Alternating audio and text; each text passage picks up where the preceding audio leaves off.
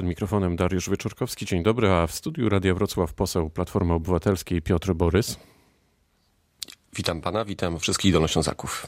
Panie pośle, Sąd Najwyższy orzekł wczoraj, że gdy w składzie jest osoba wyłoniona przez nową KRS, to mamy do czynienia z sytuacją, w której występuje niewłaściwa obsada sądu. Natomiast Ministerstwo Sprawiedliwości poinformowało, że uchwała ta jest niezgodna e, z prawem. Równolegle Sejm odrzucił uchwałę Senatu o zmianie tzw. Tak ustawy kagańcowej. Teraz e, ta ustawa trafi na biurko prezydenta Andrzeja Dudy. Proszę mi powiedzieć, czy przysłowiowy Kowalski Pana zdaniem w ogóle rozumie coś e, z tego wszystkiego? Myślę, że w tym wielkim chaosie wprowadzonym e, przez obecną władzę coraz mniej obywateli zaczyna rozumieć, o co chodzi. Myślę, że jest ogromny niepokój, natomiast żeby zrozumieć te kwestie, jest chyba jeszcze daleka droga. Niewątpliwie to, co wczoraj się wydarzyło, więc przyjęcie przez większość rządową ustawy kagańcowej, a jednocześnie orzeczenie e, Sądu Najwyższego no, w składzie blisko 60 e, prawników, profesorów prawa o tym, że jednak nowo wybrani sędziowie nie mogą orzekać, że wszystkie te orzeczenia, wyroki mogą być podważone, no to jest tak naprawdę dzisiaj wielki chaos y, i ogromna anarchia. Tym kończy się tak zwana reforma e, sądownictwa.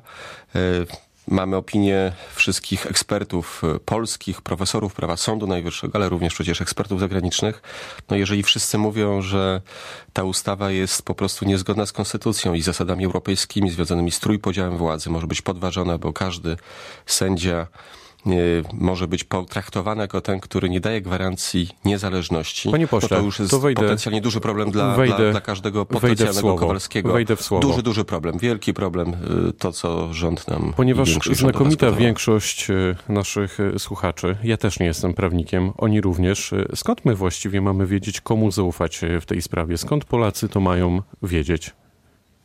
Myślę, że łatwiej jest, kiedy y, zważymy tak naprawdę władzę wykonawczą, czyli rząd i polityków w kontekście tego obrazka, który wczoraj ja osobiście widziałem, który mnie osobiście bardzo, no może powiedzieć, wzruszył, kiedy 60 profesorów prawa w togach, czyli trzy połączone Izby Sądu Najwyższego wydały opinię, że jednak ta reforma Prawa i Sprawiedliwości reforma sądownictwa nadaje się do kosza. Ufam i chyba tak powinni zrobić wszyscy patrzący na to zupełnie niezależnie Polacy, że jednak Sąd Najwyższy w swojej większości po prostu ma zdecydowaną rację i należy zaufać po prostu Sądowi Najwyższemu. A czy ta cała dyskusja i spór polityków nie doprowadzi do sytuacji, w której za chwilę będziemy mieli taki podział i tak różną ocenę sytuacji, że będziemy po prostu żyli w dwóch równoległych rzeczywistościach? To są dwie równoległe rzeczywistości. To, co mówi minister Ziobro i to, co mówi znamita większość e, polskich autorytetów prawa, ekspertów zagranicznych, Komisji Weneckiej. Wie pan, na zewnątrz patrzą na nas z niedowierzaniem, co, staje, co, co dzieje się z polską demokracją, z polską praworządnością. My z prymusa Europy stajemy, stajemy się gdzieś takim chłopcem do bicia w narożniku, na którą wszyscy patrzą z niedowierzaniem i uważam, że to trzeba zmienić. Znaczy, można kraj rozwijać gospodarczo, można się czasami spierać o rzeczy najważniejsze. Można współpracować w trudnych rzeczach, jak chociażby służba, służba zdrowia, ale w kontekście praworządności musimy być po prostu twardzi i jednoznaczni. Nie po to po II wojnie światowej wprowadzono twarde zapisy we wszystkich właśnie konstytucjach e, państw demokratycznych o trójpodziale władzy, aby właśnie ta władza sądownicza była po prostu niezależna. To jest w interesie każdego obywatela, który zderza się z państwem, często z aparatem partyjnym. Musi mieć gwarancję, że sędzia, który, który rozstrzyga, jest po prostu niezależny bez A nie uważa to, pan, panie pośle, że teraz, że właśnie teraz powinniście się zebrać e, wszyscy ponadpartyjnie i jakoś, e, no nie wiem, e, dogadać się, przekazać nam obywatelom, Polakom, wyborcom, e, na czym teraz stoimy. To znaczy tak rozwiązać e, te kwestie, żeby wszyscy przynajmniej na dużym poziomie ogólności się zgodzili co do e, zmian na tym odcinku. No bo za chwilę naprawdę będziemy mieli do czynienia w sytuacji, na przykład z taką sytuacją, w której przysłowiowy Kowalski pójdzie do sądu albo w ogóle nie pójdzie do sądu, bo powie, że on ma, cytując jednego z wiceministrów, po prostu to w nosie. Chyba nawet trudniej, bo 700 sędziów powołanych przez nową KRS w wyniku tego orzeczenia właściwie może orzekać bezprawnie. I teraz jak ma być e, pewny w, w naszym systemie prawnym umowny Kowalski, Nowak, czy, czy pan redaktor, czy ktokolwiek z nas, kiedy taki wyrok czy orzeczenie będzie po prostu zwyczajnie podważone. Ja uważam, że e, dzisiaj znowu wszystkie oczy będą, będą sfokusowane na pana prezydenta, który jeżeli podpisze tą ustawę, no trochę przerzuci nas bardziej na ten wymiar ocen etycznych, moralnych, prawnych wschodniej, a nie zachodniej europejskiej. Przypomnę, że raz doszło do takiej sytuacji, kiedy, pre, kiedy prezydent zawetował dwie ustawy, rozwiązał ten problem i uważam, że to jest bardzo cienka, cienka linia, bardzo, bardzo właściwie taki kruchy lód, po którym prezydent chodzi, dlatego że podpisanie tej ustawy może być wielkim problemem także w kampanii dla niego. Może naprawdę zapłacić za to swoją prezydenturą, bo nie wiemy, jak rozwiną się e, emocje. Na pewno ludzie zaczynają spostrzegać, że coś jest nie tak z polskim wymiarem sprawiedliwości, z tym sporem i z tą wielką konfrontacją przeciwko sędziom. E, to nie jest okay, to nie jest dobre. Uważam, że, że za to ktoś kiedyś zapłacił po cenę polityczną, być może już w, w najbliższym czasie, w czasie kampanii prezydenckiej. Kto będzie nowym szefem e, Platformy Obywatelskiej i czy już e, w ten weekend się tego dowiemy, Pana zdaniem? E, wydaje mi się, że nowym przewodniczącym Platformy Obywatelskiej będzie albo Dolnoślązak poseł i wicepremier Tomasz Siemoniak lub, lub były minister sprawiedliwości, obecny szef klubu Borys Budka. Myślę, że dzisiaj... Do kogo panu bliżej? To, Wie pan, bardzo cenię ogromnie Borysa Budkę. Znamy się i lubimy. E, bliżej mi naturalnie do Dolnoślązaka Tomka Siemoniaka, ale to z przyczyn wyłącznie naszych relacji regionalnych niż do Ślązaka Borysa Budki. Obydwaj są bardzo dobrzy, to chcę powiedzieć. E, byli przez te cztery lata, kiedy ja pracowałem tutaj w Warszawie, współprowadziłem projekt Platformy w czasie tych czterech trudnych lat opozycji wiceprzewodniczącymi. Jeden z nich ma, jeden i drugi ma ogromne własne atuty i doświadczenia. Rozstrzygnie to być może przyszła sobota, jeżeli nie, to druga tura za dwa tygodnie i wokół tych dwóch, myślę, kandydatur będzie się toczył realny, realna e, taka rywalizacja. Kto A skorzysta pan e, z zaproszenia, z zaproszenia Bogdana Zdrojewskiego na dzisiejsze spotkanie dolnośląskich działaczy Platformy? Wiem, że takie spotkanie jest i wielu, wiele osób, y, z, szczególnie z Wrocławia, wybiera się na to spotkanie. Ja jestem w Warszawie i na spotkaniu noworocznym y, Platformy Obywatelskiej w Jaworze, w moim okręgu wyborczym, ale też trzymam kciuki za każdym z czterech kandydatów. Y, ważna jest rywalizacja. Nie ma takiej drugiej partii, która dzisiaj w sposób demokratyczny po pierwsze wybiera swojego przewodniczącego, wcześniej po wyborach wybrała prezydenta. Niech każdy walczy. Pan Bogdan Zdrojewski ma duży autorytet regionalny jest rozpoznawalny krajowo. E, nie wiem, czy wejdzie do, do, do, drugiej tury. Wydaje mi się, że jednak ta rywalizacja głównie będzie się toczyć wokół, wokół wiceprzewodniczących Platformy, pana jest pan, Tomasza Simoniaka jest pan blisko Grzegorza Schetyny. Co Grzegorz Schetyna będzie robić po tym, jak skończy szefowanie Platformy? E, z całą pewnością będzie wspierał, e, pracował, tak jak to potrafi najlepiej dla projektu Platformy Obywatelskiej, dlatego że bez Platformy Obywatelskiej nie ma po pierwsze koalicji obywatelskiej, nie ma silnej opozycji.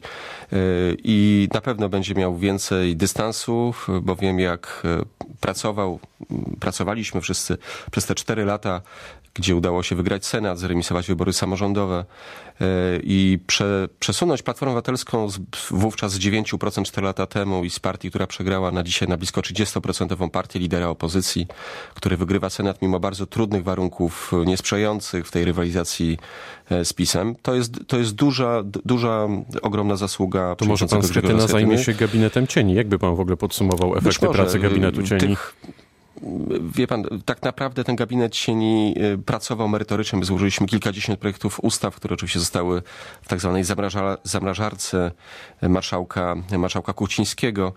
One są gotowe. Myślę, że czy gabinet cieni, czy klub parlamentarny, jest wiele obszarów do, do pracy i, i ta, to doświadczenie polityczne ogromne myślę, że będzie sprzyjało temu, aby pójść po zwycięstwo w ciągu tych najbliższych lat i odsunąć PiS, a przede wszystkim przekonać Polaków dobrym programem, e, nową energią.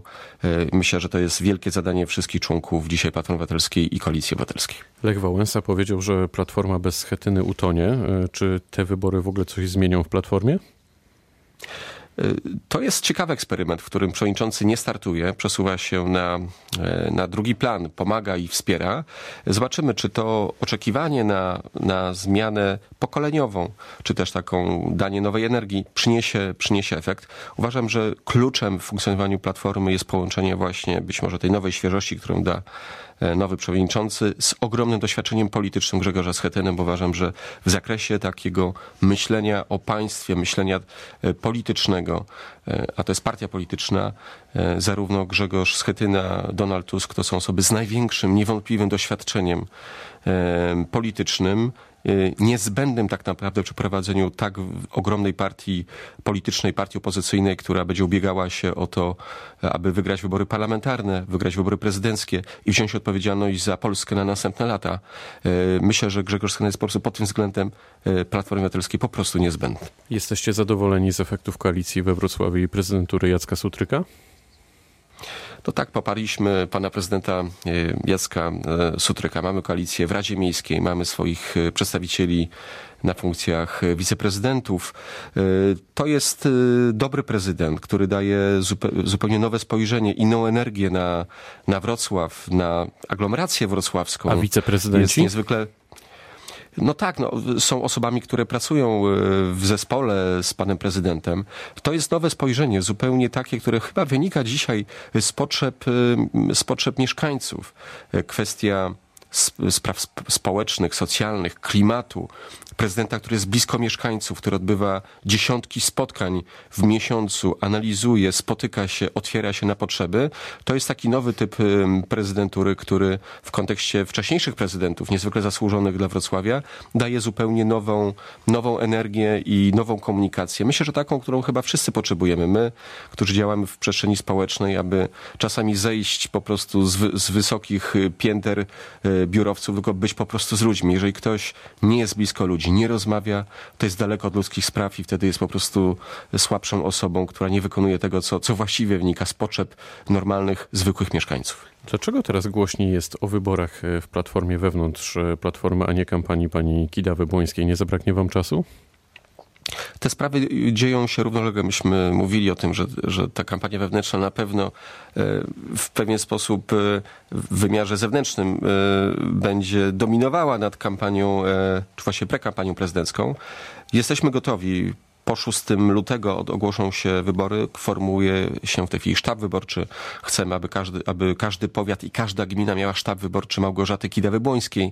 Chcemy bardzo mocno upowszechnić tą kampanię wśród zwykłych obywateli, porwać ludzi, aby to była kampania społeczna, kampania tych osób, które są w stanie zaufać pani Małgorzacie Kidawie-Błońskiej, która wierzę głęboko będzie w drugiej turze i stoczy tą kluczową rywalizację z prezydentem Andrzejem Dudą. Do tego potrzebne jest umasowienie e, tej kampanii kampanii wśród normalnych mieszkańców miejscowości małych, wsi, miasteczek i do tego będziemy apelować. I te, te rzeczy się dzieją. One nie są widoczne marketingowo, ale strukturalnie są, są w tej chwili tworzone. Powiedział Piotr Borys, poseł Platformy Obywatelskiej, który był gościem rozmowy Dnia Radio Wrocław. Bardzo dziękuję za spotkanie.